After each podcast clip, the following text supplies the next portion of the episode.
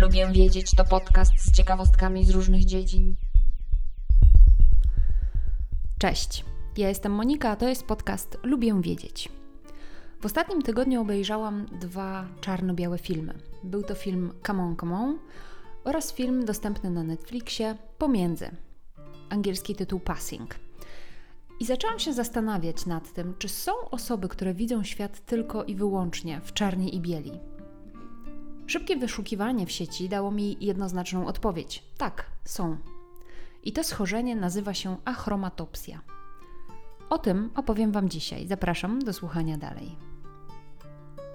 Achromatopsja to choroba objawiająca się tym, że chorujący nie widzi koloru. Może być wrodzona lub nabyta. Może występować także w postaci niepełnej, którą dokładniej określa się jako dyschromatopsję.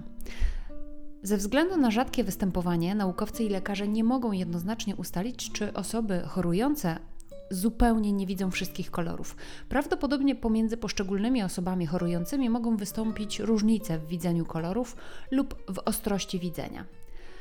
Schorzenie jest zwykle diagnozowane u dzieci w wieku około 6 miesięcy, kiedy rodzice zauważają u swoich dzieci nadwrażliwość na światło lub oczopląs. Oczopląs staje się mniej zauważalny z wiekiem, ale inne objawy achromatopsji stają się bardziej istotne w miarę zbliżania się do wieku szkolnego. Ostrość wzroku i stabilność ruchów gałek ocznych generalnie się trochę poprawiają w ciągu pierwszych 6 do 7 lat życia, jednak nadal stanowią poważny problem, co przy rozpoczynaniu nauki może być utrudnieniem. Zespół achromatopsji lub dyschromatopsji nie jest dobrze opisany w tekstach naukowych czy medycznych. To schorzenie stało się odrobinę lepiej znane po 1997 roku, kiedy to słynny neurobiolog Oliver Sacks opublikował książkę The Island of Colorblind. W polskim wydaniu tytuł brzmi Wyspa Daltonistów i Wyspa Sagowców.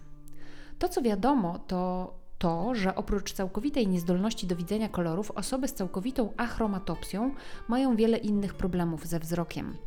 Wśród tych problemów znajduje się znacznie obniżona ostrość widzenia, wspomniany oczopląs i światłowstręt. Objawy dyschromatopsji, czyli tej niepełnej achromatopsji, są bardzo podobne, tylko mają po prostu mniejsze natężenie. Wspomniałam, że achromatopsja może być zarówno wrodzona, jak i nabyta.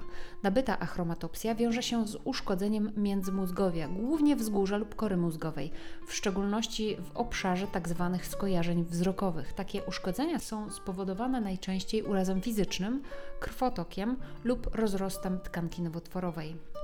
Jeśli chodzi o wrodzoną achromatopsję, wynika ona często z niezdolności komórek czopków do właściwej reakcji na światło. Czopki z kolei to są takie światłoczułe receptory siatkówki oka. I to właśnie one odpowiadają za naszą zdolność widzenia kolorów. Więc jeśli coś z tymi receptorami siatkówki oka jest nie tak, to odbija się to na zdolności rozróżniania kolorów. Ta dysfunkcja komórek czopków wynika z reguły z mutacji genetycznych. No i tutaj w opisie tego schorzenia następuje niezrozumiała dla mnie sekwencja cyfr i liter, która prawdopodobnie oznacza geny i komuś obeznanemu z nimi pewnie coś by mówiła. Mnie niestety nie. Natomiast jeśli chodzi o lek na achromatopsję, no to nie ma takiego jednego leku. Działa się na pewne doraźne objawy, na przykład w celu kontroli nadwrażliwości na światło używa się okularów ze szkłami w kolorze ciemnoczerwonym lub śliwkowym. Od 2003 roku istnieje cybernetyczne urządzenie zwane iBorg, które pozwala ludziom postrzegać kolory poprzez fale dźwiękowe. Ja mówiłam o tym urządzeniu w odcinku o cyborgach, który podlinkuję w dzisiejszych notatkach do odcinka. Są także prowadzone różnego rodzaju badania nad terapią genową u zwierząt z achromatopsją. Te badania na razie mają całkiem pozytywne wyniki, ale na myszach i szczeniakach. Tymczasem u starszych psów ta skuteczność terapii genowej jest zdecydowanie mniejsza.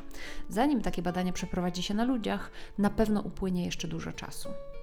Jak już wspomniałam wcześniej, achromatopsja jest stosunkowo rzadkim zaburzeniem. Występuje u jednej osoby na 30 tysięcy osób. Jednak na małym atolu mikronezyjskim Pingelap około 5% z 3000 mieszkańców atolu jest nią dotkniętych. Wyspę zniszczył sztorm w XVIII wieku i jeden z kilku ocalałych mężczyzn był nosicielem genu achromatopsji. Dlatego ten gen tak bardzo się rozpanoszył na tej wyspie. Mieszkańcy tego regionu nazwali achromatopsję maskun, co w ich języku oznacza nie widzieć. I ta właśnie wyspa na atolu mikronezyjskim to tytułowa wyspa z książki The Island of Colorblind Olivera Saxa. Achromatopsia jest bardzo rzadkim zaburzeniem, ale zdecydowanie częstszym zaburzeniem jest ślepota barw, popularnie zwana daltonizmem, która polega na zaburzeniu rozpoznawania barw. Daltonizm to jest jedno z zaburzeń rozpoznawania barw, polegające na tym, że osoba z daltonizmem nie rozróżnia koloru zielonego od czerwonego. W notatkach do dzisiejszego odcinka znajdziecie prosty test na rozróżnianie tych barw właśnie zielonej i czerwonej. Są to tak zwane tablice Ishihary. Wprawdzie opis do tego testu jest po angielsku, ale sam test polega na wpisywaniu cyfr, które widzicie na planszach, więc to nie będzie zbyt skomplikowane. Zachęcam, żebyście sobie ten test zrobili. Rzadsze niż daltonizm zaburzenie to tritanopia. Ona polega z kolei na braku możliwości rozpoznawania kolorów niebieskiego i żółtego. A ponieważ zarówno niebieski, jak i żółty to barwy podstawowe, będące częścią innych kolorów, np. pomarańczowego, zielonego czy fioletowego, to również zaburzone jest widzenie tych innych kolorów. Jak widzi tęczę osoba z daltonizmem oraz osoba z tritanopią, zobaczycie również pod jednym z linków w notatkach do dzisiejszego odcinka. Bardzo ciekawe jest to, że większość substancji psychoaktywnych ma wpływ na postrzeganie kolorów, a w szczególności środki psychodeliczne z grupy fenyloetyloamin. Na przykład osoby pod wpływem MDMA widzą świat zdecydowanie bardziej zielony. Po psylocybinie z kolei świat postrzegany jest w ciepłych odcieniach żółci i pomarańczu. Podobnie działa tujon, czyli taki alkaloid zawarty w absyncie. I ten tujon, jego duże dawki wywołują zmianę kolorystyki widzianego świata również na żółtą.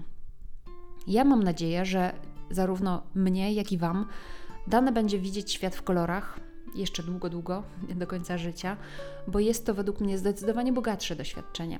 Chociaż muszę przyznać, że filmy i zdjęcia czarno-białe mają jakiś urok i elegancję. Dziękuję za wysłuchanie dzisiejszego odcinka podcastu. Zachęcam do subskrypcji, do zajrzenia do notatek dzisiejszego odcinka. Zamieściłam tam linki do różnych ciekawostek. Zapraszam także na moje konta na Instagramie. Lubię wiedzieć, gdzie dzielę się innymi ciekawostkami i muszę przyznać, że ostatnio mam jakiś problem z tym kontem na Instagramie, bo Instagram mnie zablokował z niewiadomego mi powodu.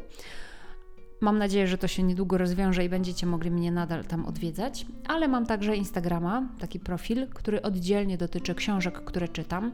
Zapraszam również na tamto konto Fiszkowa Kartoteka. Jeśli podoba Ci się mój podcast, to powiedz o nim innym. Bardzo dziękuję. Do usłyszenia. Cześć.